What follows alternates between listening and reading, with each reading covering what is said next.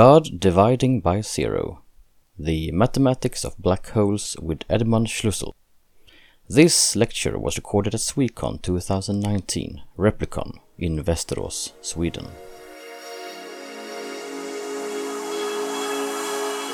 Svekon-poddar. En poddradio från svenska science fiction och fantasykongresser.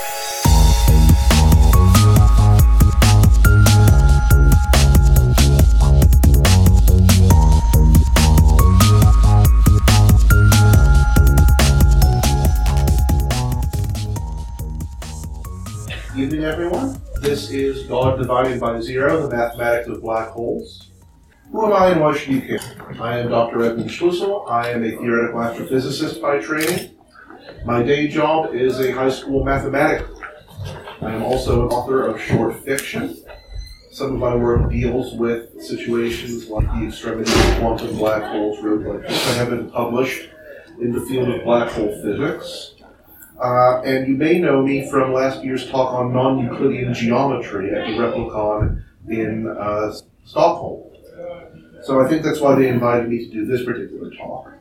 Uh, why black holes? Well, black holes are fascinating objects. Whenever there is astrophysics news in the media, it's usually black hole news because these are big, powerful objects. They start to defy imagination because they are extremes of nature, you know, sharks or um, chili peppers. but we do have the, the, the, framework of mathematics to help us understand these phenomena, even though we cannot go and observe them with the naked eye, not more than once. Um, and that's and that is where the idea of the black hole came from was we had this about 100 years ago this mathematical description. If you want i can put all these slides online somewhere or i'll stick them on twitter you don't have to photo each slide. Uh, 100 years ago we had the emergence of this mathematical framework for, under, for understanding gravity einstein's theory of relativity. Uh, it's called the general theory because it not only involves the motion of individual particles, but also uh, descri- describes particles under acceleration. And that was a mathematically very complicated theory. Most of the work done even today uh, in relativity is done numerically through approximations rather than finding exact solutions. Uh, the, the, flavors of mathematics I've listed here, tensor calculus, four-dimensional differential uh, geometry, these are things you would not even encounter at the undergraduate level in physics. You would need to be at quite an advanced level even to begin exploring these areas. Uh, Einstein thought that the mathematical framework of relativity was so complicated that no one would ever find an exact solution. But a couple of months after he published it, someone did. At the very end of uh, 1915, Karl Schwarzschild, a 40 year old um, former child prodigy, who had published most of his work in the field of optics, uh, discovered an exact solution to Einstein's equations. He found a way to describe the gravitational field of a, of a spherical point source of what it would be like if you had the gravitational field of matter compressed to a single point. And it, it, the amazing thing about Schwarzschild's solution, other than that it exists at all, is that he did it while serving on the Eastern Front during the First World War. Literally, people were shooting at him. He was an artillery officer uh, while he was doing this work. He, he said he gave him a little bit of a break from the war to be able to um, work on this. Now, sadly, Schwarzschild died shortly thereafter. He, he uh, suffered from a disease called pemphigus and uh, died from complications of it. Uh, it was almost certainly made worse by being on the Eastern Front, by shooting his way through Poland. Uh, so, what we're going to talk about is Schwarzschild's solution for it. I'm going to try to break down the mathematics to an introductory level. Well, Luckily, in one sense, the Einstein equations are very simple. That's it. That that's the entire theory of general relativity. That one equation on the right hand side. Uh, but we need to unpack this a bit. What, what what's this IJ about? Some of you are coders, I'm assuming, or know your way around. Uh, you're familiar with the idea of an array variable. That's what that IJ stuff basically is. Is that INJ? It lets us talk about a four by four array of equations, so 16 objects at once. And the I and the J, those are different coordinates, time and then the three space dimensions. There's stuff I'm glossing over here. It doesn't have to be time and space put together that particular way, but that's our basic framework here. So if I talk about R sub tt, that's the purely time part of this object R. Well, what is this T and the R about? T is the distribution of stuff in the universe. It, it's, it's one big master object that tells you where energy is located, how energy and matter are flowing, uh, what the pressures are within whatever substance you're talking about. So, for uh, purposes of what we're doing, t is almost completely zero, except there's one perfect little point of matter at some coordinate. We'll call that zero. Not too, not too hard to handle so far, right? There's no pressure, there's no flow of anything, there's just that one perfect point mass. It's the other stuff that's a bit more annoying. Because all this R business is talking about the coordinates describing space and how those coordinates are changing. Introduce the idea of something called a metric. The R, the R thing summarizes all the different changes in space, puts them all together into one thing. Capital R with no indices on them takes all of those different changes and adds them together into one bigger thing.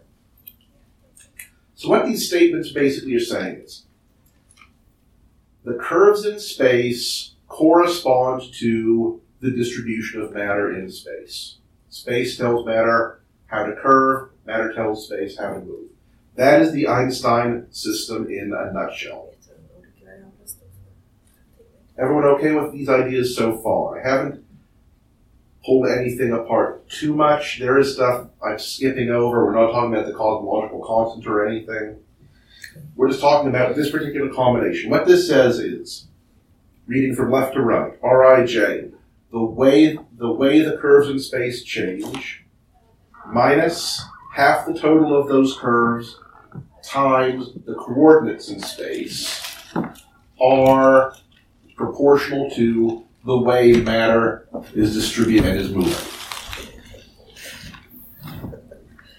Take a second to process that.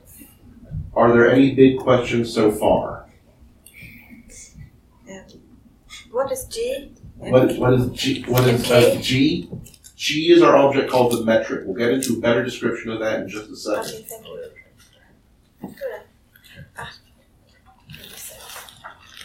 Okay, thank you. Good. Okay. So, are we okay with the language that we're using so far?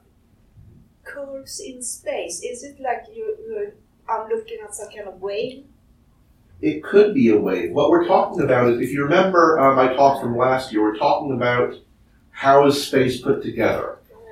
What is the shape of space time? Now, what do we mean by that? Well, when we have lots of dimensions, we need to talk about how much each of those dimensions counts. We have our xy coordinate system. I'm just going to start with two dimensions. We have x going left to right, y going up, to, up and down. Everyone all right with that? There's nothing built into what we're doing that says x is worth this much, y is worth this much. That's a decision that we need to make as experimenters or as people determining just how to plot this on a graph. Uh, and the metric is the object that tells us how much each thing is worth. I'll illustrate by changing it. This metric, 1001, that's kind of our default. That's a description of a flat piece of paper with two equal coordinate systems drawn, up, drawn on it, with the x coordinate and y coordinate. But what happens if we change one of those numbers? What if one of the one one becomes a two? Well, that kind of change changes the way we're describing that point.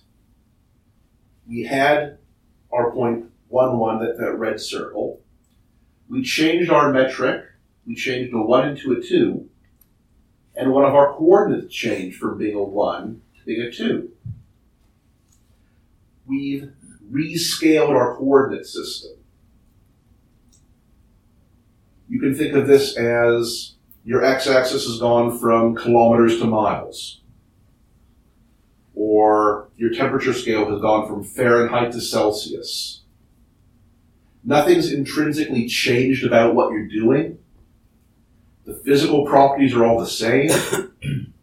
You've just rescaled how you're presenting the information. So it seems like we haven't really even done anything. We've just made a cosmetic change in how we're in how we're choosing to represent points. And for these kinds of metrics, that's all that's happening.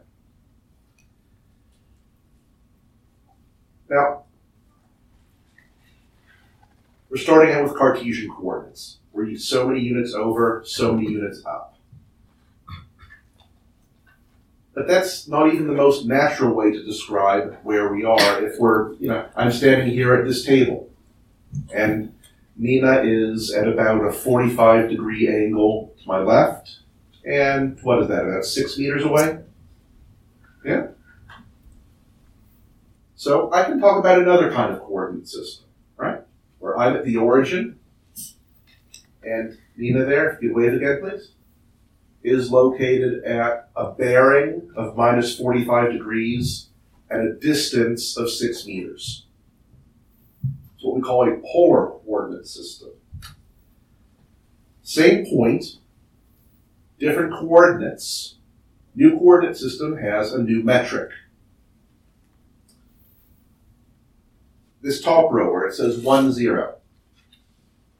What that says is we're measuring distance. We're, we're calling an R coordinate, a distance coordinate. The same way that we've always measured distance. We have a meter stick and we're measuring out units of one meter or six meters or whatever. But look at that grid. If you let me see if I can I can't zoom in on this thing, can I? If we're close to the origin, then a change in angle covers that much distance, right? As we get farther and farther from the origin, a change in angle covers more distance. Now, what's the formula for the circumference of a circle? Um, uh,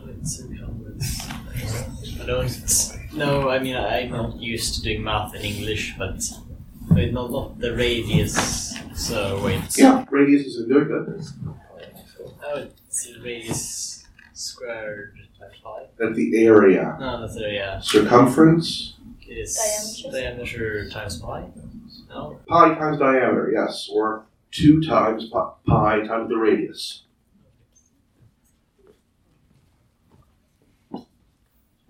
As we get farther and farther from the origin, each change in angle counts for r times more than it did for our unit position. The circumference of this circle is 2 pi times 2. The circumference of this circle is 2 pi times 4. There's the same number of degrees in all these circles. So our little piece of distance is getting bigger and bigger and bigger the further we get from the origin. And that's reflected in the metric. How we measure distance radially, how we measure distance from the center isn't changing. But how we measure distance by angles is getting bigger and bigger the further we get from the origin. Now, why is it r squared and not r? We want to avoid negative distances. So we square everything, so we're making sure that we're always talking about a positive number when it comes to distance. That's why it's r squared and not r. Do you have anything that I need to check it about now? Any questions you might have? I know this is some heavy stuff. Once we're past this, though, it gets easier. Yeah? Any, any, any, any, any, anything you want to ask now? Okay. That's two dimensions. Now we're talking about three. I swear half these slides are missing. Because there's supposed to be a three-dimensional slide here. Okay, ignore that minus one for the moment. Three dimensions. Now it's like we're on a globe. We have a latitude coordinate. How far above or below the equator? We have a longitude coordinate. Where going around like this we are. And also we have our distance from the center of the earth. That's our R. So R, how far we are from the center, and two angles. Same logic. As we get farther from the center, our angle is going to count for more. As we get further from the North Pole, our angle is going to count for more. That's the sine squared business.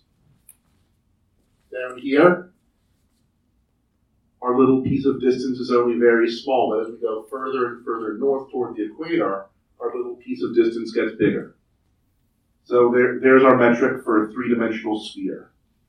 Are we okay with that? We're about to go to four dimensions. That's as many as we'll have to deal with.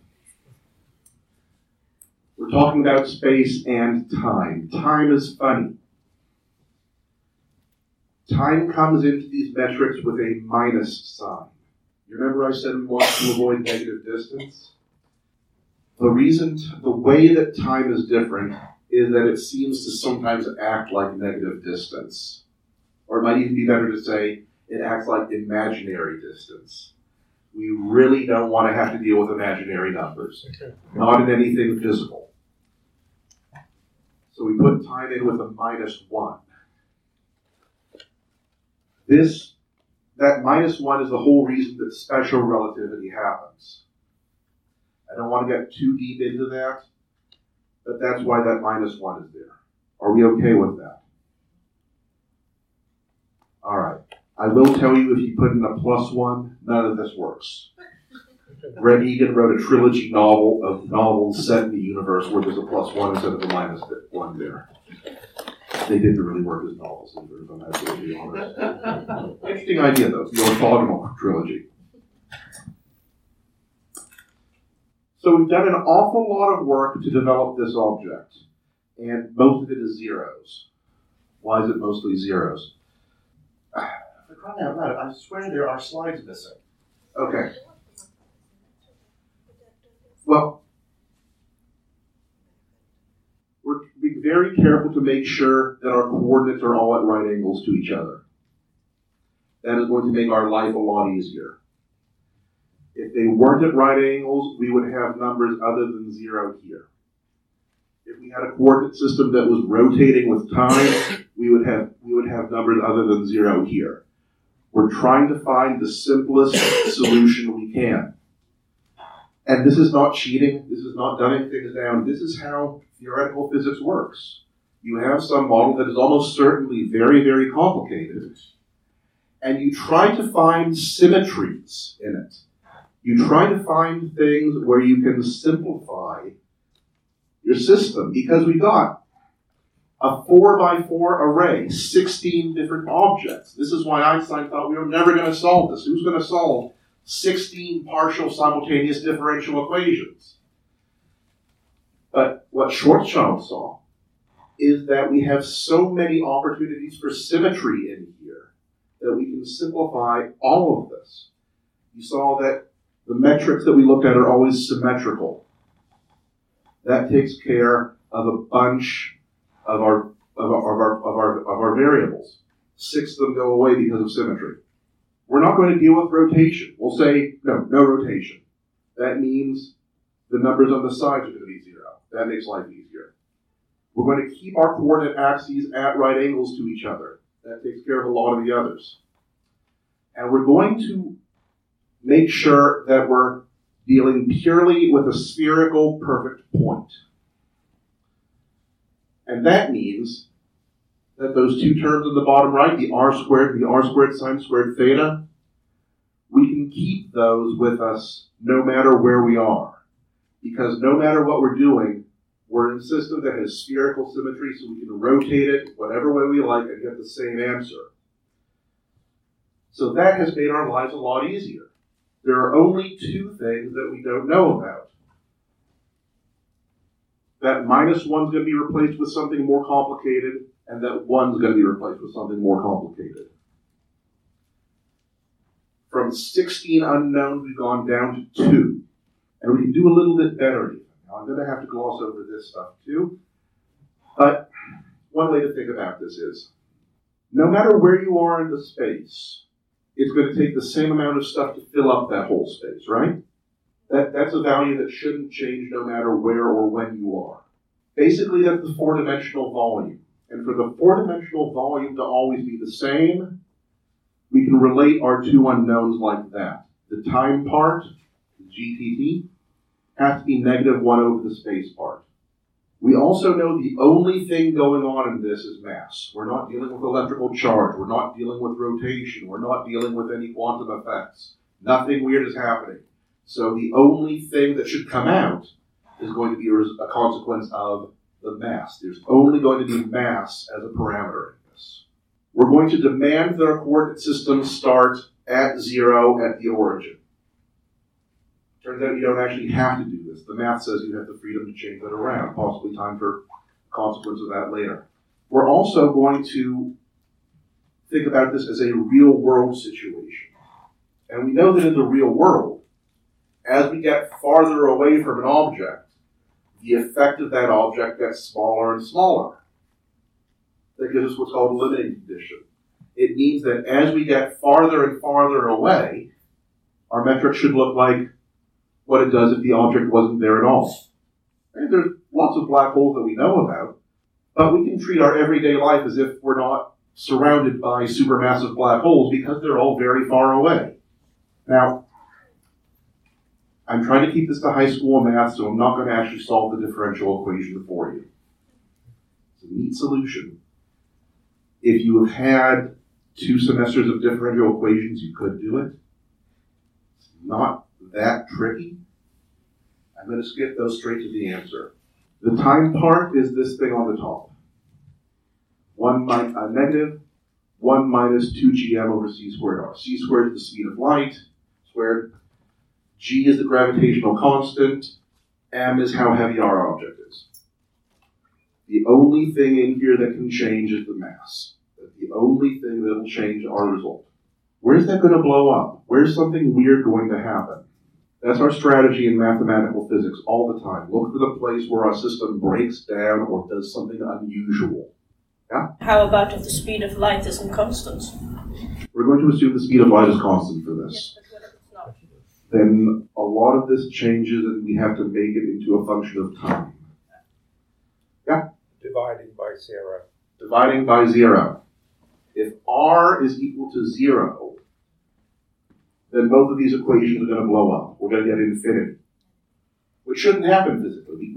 You can't have an infinite number of anything in a physical measurement. So that's one point where this is going to break down. What's another one? Anyone see the other one? Yeah? If uh, 2gm divided by c squared r is 1, then the whole thing is 0, and you have another, another division by 0. Yes. It's a different kind. Because if we set r to zero, then that first equation blows up. If we set r to 2gm over c squared, then that top one just becomes zero. And maybe that's not the same kind of problem. But we found two points, two distances, right at the origin, and then 2gm over c squared from the origin. where our equations are going to stop working and something unexpected is going to happen, where we're going to have some sort of edge condition. The first one is what we call the event horizon of the black hole. You have heard of this. Movie named after it. What I've drawn here, what I've graphed out, this red line is that GRR, the function describing how space is being stretched. And at that green dashed line, that's the place, 2gm over c squared, where the equation breaks down. Space is being stretched infinitely when you are at that distance from the center of mass. And that's weird. That's not supposed to happen in real life. So interpreting that is very tricky, especially since if we look at what's happening to time, at that same point, time is going to zero, where we're crossing the axis here. So we have space being stretched to infinity, and our interval of time going to zero. That is really weird. But calculus gives us the tools to handle this. We divide distance by time, we get speed, right? So by taking those two pieces, the time part and the space part, dividing one by the other, we get a description of the effective speed that an object will seem to be moving at as it gets closer and closer to this special limit. And that's what the event horizon is, is the point, the distance, where if the object is at that distance, it will seem to be moving so fast that if you send a signal out from it, that signal will be stretched out to zero. Like, you're familiar with the idea of Doppler shift. A train is speeding away from you. The pitch of its whistle gets lower and lower. Now the train is moving so fast that the sound the train makes goes to zero. The frequency becomes zero. The wavelength becomes infinitely long. You can imagine that happening with a train if it's moving very, very fast, right? Same thing is happening to light coming out of an object that's falling into this event horizon. Maybe something is happening, some sort of physical interaction is going on there, but we can never observe it from outside. It's at that limit where information can't get out. Yeah? Dark. Quantum effects are the thing that we're not dealing with, I Okay. guess. The purely relativistic treatment doesn't know anything about quantum mechanics. We could try to talk about this with quantum gravity, but A, it would be a lot more complicated, and B, I would be making most of it up. We don't actually have all answers for that yet. So that's the one special point this boundary, this event horizon, this place where objects can fall in, but we can't find out what happens to them after they cross it because the information can't get to us. And that's good because beyond that, that place where r is zero and all the equations blow up, we have this singularity. No one knows what happens here. In fact, if you look carefully at this graph, you see how it's not a smooth curve here. It comes to a sharp point. Physical systems aren't supposed to do that either. You're not supposed to have sharp points in your graph. We have no idea what's happening. Our best guess is that that is where quantum mechanics and general relativity are crashing into each other, and some kind of quantum gravity effect is happening that we have no idea what it looks like. We honestly do not have the first clue what's going on there. That is the special point at the center of a black hole that we can never observe. That is the essence of the black hole. Mass compressed into a single point. Infinite density, time being stretched to infinity, space collapsing to zero. That's what a singularity is, a place where the mathematical description breaks down, where our understanding of the physical laws do not give us a description of what's going on there. Now, that said, there's people who don't believe in these singularities because we started out with an assumption. We started out saying we're going to squish matter down to a single point. That might not be a realistic assumption. Maybe matter doesn't do that. Maybe there is some quantum effect that keeps that from happening, and so none of the singularity stuff actually happens. We don't know. But that gives us the two special phenomena near a black hole. We have the event horizon, where information can't get out, and we have this magic singularity where we have no idea what's going on. All right? I'm going to conclude by giving you a couple of variations on that. That a lot of you have heard about the singularity, the event horizon thing, at least the generalities. But there's three small tweaks that we can introduce that make things really a lot more interesting. Because you remember I said, um, I said we're just going to declare that zero is the central coordinate system, right? That we start counting our distance r from the center, zero, one, two, three, and that's going to be it. You don't actually have to do that. There's a little bit of freedom in the equations. It doesn't sound like it makes sense, but you can start counting r from zero wherever you like. You can count it from the edge of this table or from over here instead of from the center of the table. And when you do that, you get a wormhole. You still cross the event horizon, space gets squished, and then space just kind of run kind of runs out. This was the first category of wormhole that was discovered. This is the Einstein-Rosen bridge. This is probably not a practical wormhole. There have been other models discovered since then which are more likely to actually work. But the idea is this space where this, this place where space just kind of stops. You would be able to stitch this on to some other black hole where space stops and make a tunnel between the two points. That's the, that's the basic theory of a wormhole. Ten minutes? We could give the ele- give black hole electrical charge. This is a fun one. This is underappreciated, I think. Called the Reissner Nordstrom black hole. What's special about this is where before we had this 1 over 1 minus 2 gm over r. And that gave us a singularity in the middle and an event horizon. When you add electric charge, and the equations are not that much more complicated when you do it, you add a layer to the black hole. So you're outside that just looks like a charged particle. You cross the event horizon, and then there's another event horizon inside the first one, kind of like in a kind of like a yeah hard boiled egg.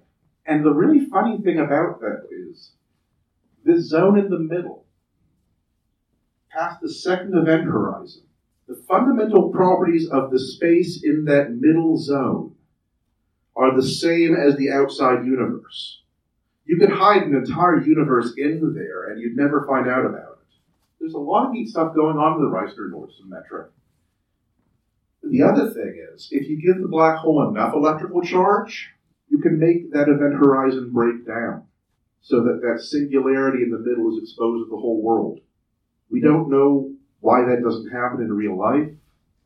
We don't know what would happen if it did happen. Might mean the end of the universe. And the last thing I'll touch on before I take questions if you spin the black hole, you create a much more complicated structure. These, this is a pain to solve. The math here is really annoying. But what happens is the event horizon sort of splits, and you end up with a space between the inner and event, outer event horizon that you can sneak into. Where information can't get out, but you can. Someone watching you fall in can't tell what you're doing when you're in that little space, but you can change your trajectory and escape from the black hole. And while you're in there, you can steal energy from the black hole. There's a trick with orbital mechanics in this, what's called the ergosphere, where if you drop some of your mass, you can pick up energy and escape. Fred, Frederik Pohl uses it in, in, Gateway as a trick near the end of the book. It's a 30 or 40 year old book, so it didn't spawn anything. Now, there's a lot of applications because you have perfect censorship. Someone watching you cannot tell in any way what you've done in there. You have a way to extract energy from a black hole by stealing its rotational uh, energy, by stealing its angular momentum. And again, if you spin this thing fast enough and give it some electrical charge, you can make a hole in space-time. This is another way to build a wormhole. So there's a lot of potential in the Kerr metric and the uh, Kerr-Newman metric, which is the electrical charge kind. Uh, so those are three simple variations. I've had the time warning, so I'm going to wrap up. My last slide has vanished as well. That, well, that's, that's the plug one. Uh, I do have a book for sale if you're interested. It's a short story. I can be found at STLEMUR on Twitter if you want to follow me. Um, I normally put this on a slide because I don't like talking about myself that much. You've been a great audience. I'm open to questions. And uh, yeah, questions. Uh, if we, go from theory to real existing black holes, they ought to be rotating, all of them, should they? Uh, yeah, a little. So all of them should have an ergosphere, yeah. Yes, but maybe a very, very small one. Um, two reasons. One, you should, uh, well, two reasons they should all be rotating. One, angular momentum really should never be exactly zero. Two, the real life process of creating a black hole, angular momentum is conserved. If star you made the black hole out of was spinning, and they all are, the black hole should be spinning also. Um, there's the idea that an electron is a black hole because an electron we can't measure how big it is. It's a single point as far as we can tell. The problem is the spin of the electron is so big that if you make an electron into a black hole, you have too much rotation and too much charge, and so you get the naked singularity problem. So we're not sure what's going on there either. There's a lot of stuff we don't know about this. Uh, I have a question. Yeah, I'm. I'm wondering, uh, hypothetically, we could be living in a black hole. Yeah. Uh, would there be a way to tell Yes. that would be the case? Yes, uh, if you are inside a black hole, then the Big Bang looks like a sausage. Not making that up. Um, if you work through the, you can do this. You can take the Schwarzschild metric and carry out a transformation so that all the signs work out right. Basically, distance in the distance from the center and time reverse, and you get a homogeneous space-time of Bianchi category three. No problem with that so far. But it means that as as this universe expands, it doesn't expand from a point; it expands from a line. And you see a, a cosmic microwave background that looks sausage-shaped. We don't see anything like that, so the evidence is thin. I think I'm missing it. Wait for the microphone, please. Uh, I think I'm missing the point, but if we were living inside a black hole, would we be able to hit the edges, or that's not like a point that space would, wouldn't work that way? Yeah, space wouldn't work that way. You end up with an unbounded space-time. It's basically cylind- cylindrical shaped space-time. So, if that theory is correct, then there would be like infinity. Yes, but it would be okay. Um, are you familiar with closed hyperbolic spaces? Yeah, no. Okay, the idea is you can tell there's an edge, but the f- more you run toward the edge, the further away the edge gets. That would be true in like in the cylindrical direction, but it wouldn't be true in the up down direction. You wouldn't see any sense of distance in the up down direction, just in the equatorial direction. Also, weirdly, in that situation, time moves backwards relative to us. So the Big Bang is the event horizon of the black hole, and the explosion at the end of the universe is the singularity. What about small black holes? The Kugelblitz engine size. How small is that? Uh, not, you can use a small black hole to uh, power a rocket or something like that. Not really good at the math for that. Uh, are you powering it by using the rotation? Rotation, I think so. Okay. Um, I think the mass is something like Earth mass or a bit more. okay, that's not that big then. Um, well, I don't see a problem with it other than that you would run out of angular momentum eventually. And they- they're hard to recharge. Because think about how much angular momentum you would need to spin up the Earth. You, you can't do it with like a hamster wheel. You know? really big hamsters. Invisible giant space hamsters. Uh, now, this is a really stupid question. There are no stupid questions. Don't say that before you hear it. but I teach high school math. There are no stupid questions. okay, fine. Is there any possibility that there there could be something getting out of the black hole? Depends what you mean by getting out. Um, if we stick strictly to relativity, no quantum stuff going on, then an object which goes into a black hole comes out after an infinite amount of time. In your personal frame of reference, if you fall in, eventually you get out, but an infinite amount of time will have passed in the outside universe when that happens. Now, if we add quantum mechanics into the mix, black holes are supposed to evaporate. They lose mass over time. Hawking radiation. And that means that if you're in the black hole, after a finite amount of time has passed in the outside universe, eventually you're out of the black hole. This leads to the black hole information paradox. And there's still no consensus about this either, but basically, uh, let's say that you drop a bit of information into the black hole. Do you get that bit of information out when the black hole uh, evaporates, or is everything completely randomized? Relativity says the information should be preserved. Quantum mechanics says the information should not be preserved. Who wins? We don't know. Hawking went back and forth on this question a couple of times. Uh, this I ask because I uh, read an article about uh, some sort of galaxy. I don't know, remember which one, but the main thing was that there is supposed to be a black hole at the center of it. Yeah, there's probably a black hole at the center of all galaxies. Yeah. But the thing is that somebody had noticed that there must be a flux of uh, material to the outer limits of the galaxy, where it Yeah. formates into planets, which then glide in towards that black hole, and Yeah. sort of a rotating system. Yeah, we'll have to close on this point because we're at time.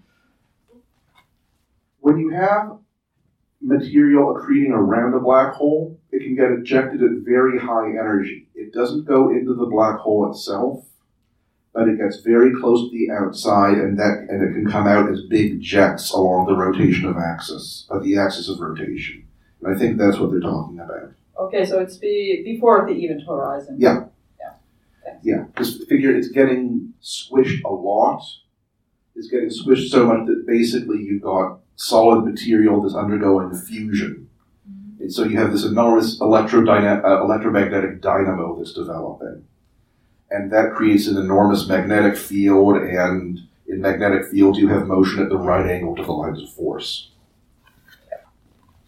All right, we've got to finish now. Thanks very much. And we'll bring around for a couple minutes for additional questions.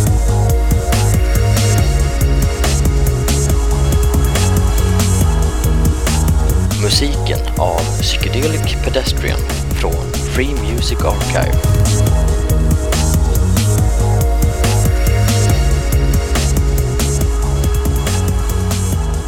Besök gärna vår hemsida på svekonpoddar.se